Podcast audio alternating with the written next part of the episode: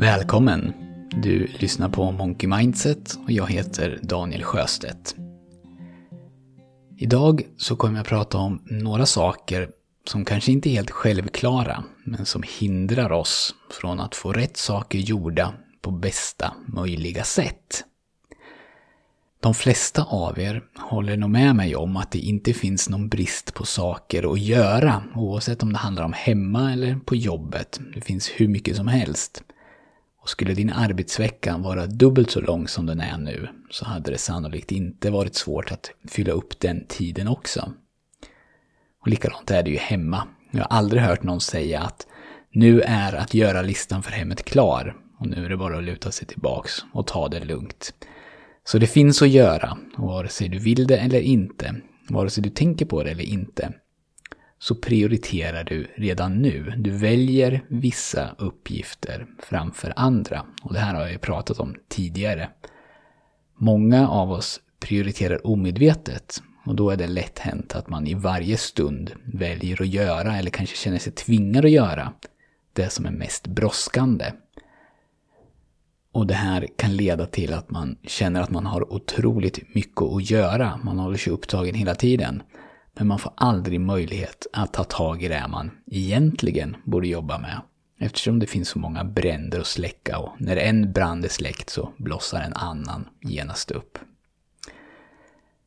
Men även om du sätter dig ner och tänker till om vad det är som behöver göras, vad som är viktigt och vad som är brådskande och så försöker hitta en bra balans mellan de här två så finns det tendenser som vi har, sånt som vi alla gör då och då tror jag, som lurar oss så att vi inte får ut det vi kan få ut av vårt arbete. Och mycket av det som jag kommer att prata om idag, det grundar jag framförallt på två böcker och bägge är skrivna av Cal Newport som jag pratat om ganska mycket förut. Den ena boken heter So Good They Can't Ignore You och den andra är Deep Work. Och jag har också läst på Newports blogg som heter Study Hacks och du hittar den på calnewport.com.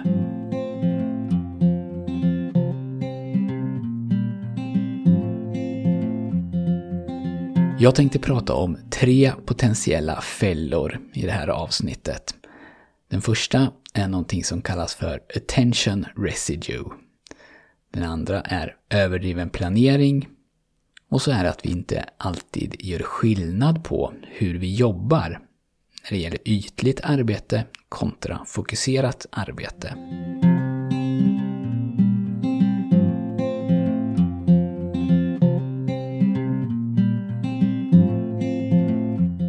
Du ofta skiftar fokus när du arbetar, om du hoppar från en arbetsuppgift till en annan, så bildas mental ställtid. Hjärnan behöver tid för att ställa om. Och trots att du bara jobbar med en uppgift i taget, så dröjer sig tidigare arbetsuppgifter kvar i vår hjärna under en tid. Det här kallas för attention residue. Attention, det betyder uppmärksamhet och residue, det skulle här kunna översättas ungefär som restprodukt. Så den gamla arbetsuppgiften stannar kvar hos oss som en restprodukt. Den håller kvar en del av vår uppmärksamhet. Så vi inte kan lägga allt vårt fokus på den nya uppgiften. Och det här har en negativ effekt både på din produktivitet, hur mycket du gör och hur bra det du gör blir. Ju längre som går, desto mindre restprodukt finns det kvar. Men de flesta av oss, vi har nog hela tiden en liten mängd av sån här attention residue som håller oss tillbaka lite, lite grann. Och hur mycket vi påverkas av det, det är beroende på vilka uppgifter det handlar om och hur lång tid som går. Men Sophie Leroy, som är den som har forskat mest på det här, hon hävdar att det finns väldigt mycket att vinna på faktiskt. Att arbeta med samma arbetsuppgift under längre perioder. Att försöka få in så lite attention residue i sitt arbete som möjligt. Så för att kunna göra det här så kan du ju dels då sträva efter att skifta arbetsuppgift så få gånger som möjligt. Lite där vi har pratat om tidigare. En sak i taget under längre perioder. Men det blir också mindre attention residue när du gör klart någonting. Fenomenet finns fortfarande kvar, men det är mindre av det än när du lämnar en ofärdig uppgift. Och så kan du försöka klumpa ihop alla små uppgifter som behöver göras och försöka göra dem samtidigt. Så istället för att jobba en timme, svara på mail en kvart, jobba en timme, göra något annat administrativt en kvart och så vidare. Så kan du ju så gott det går att försöka klumpa ihop all admin och alla mail och liknande och göra dem tillsammans. Sophie Leroy uppmanar oss också att skapa små glapp mellan våra arbetsuppgifter. Små glapp där du gör ingenting. Om ditt sinne får tid att processa det som du just har avslutat så kan du gå in i det nya mycket mer mentalt fräsch. Så i en perfekt värld så skulle du kunna schemalägga 10 minuter mellan olika arbetsuppgifter. Och under de tio minuterna så kollar du inte mail eller gör sådana här små saker som du vill komma ifatt med. Utan du kanske bara tar en kort mindfulness-session. Och just mindfulness, det är en annan sak som Sophie Leroy rekommenderar för att hantera det här bättre.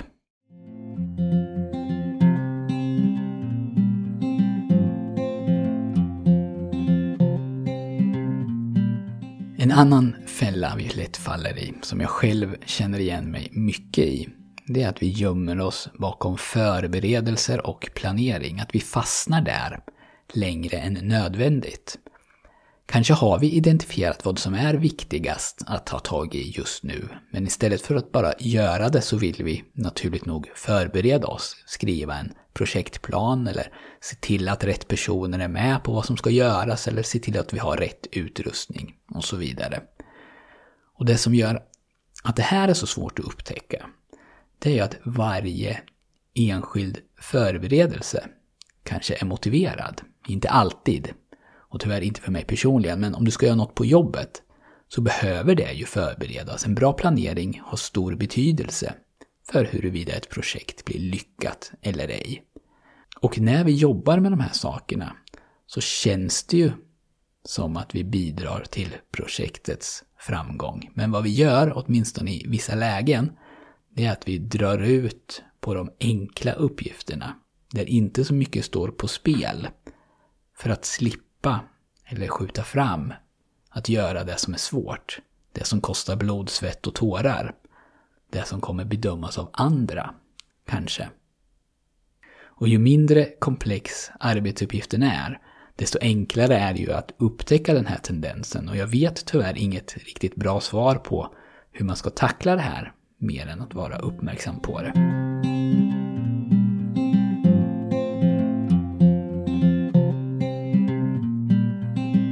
Den sista punkten jag tänkte ta upp, det är att många av oss utför allt vårt arbete på mer eller mindre samma sätt. Vi gör inte skillnad på vad det är för typ av jobb och vad som krävs av oss för att utföra det på bästa sätt.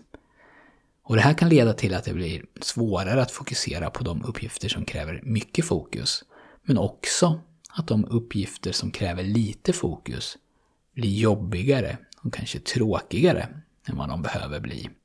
Och den här punkten skulle man kunna dela in i två delar. Dels arbetsmiljö och dels det mentala. Vad gäller arbetsmiljö så mår ju de flesta av oss bra av omväxling. Vissa miljöer de är mer lustfyllda att jobba i eller att vara i än andra.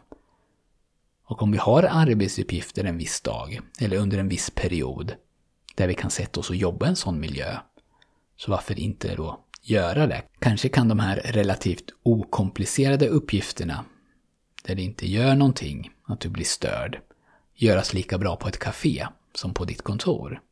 Skulle du då inte kunna åka in till stan den dagen och sätta dig på ett café och jobba därifrån? Vad skulle det betyda för din allmänna trivsel om du gjorde så lite då och då?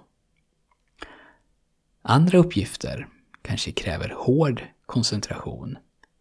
Stäng då dörren, slå av internet, rensa skrivbordet från allt som inte absolut behövs och se till så att ingen stör dig.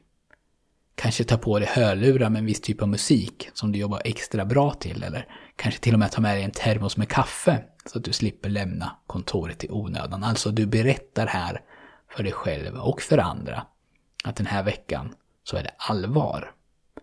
Genom att anpassa hur du tar dig an olika arbetsuppgifter utifrån vad de kräver så skapar du omväxling och förhoppningsvis också mer trivsel.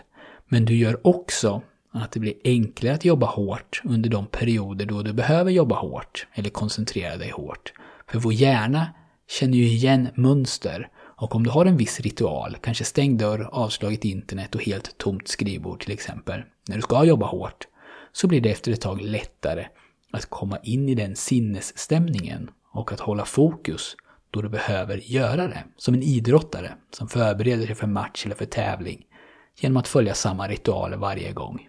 Precis så lär du dig att koppla på och koppla av beroende på vad som behöver göras. Om din arbetsmiljö alltid ser likadan ut, du sitter alltid på samma ställe, dörren är alltid lika öppen, du kollar mail, du hämtar kaffe lite då och då, då drar du inte nytta av det här. Och dina dagar blir också mer enformiga, kanske totalt sett lite ointressantare.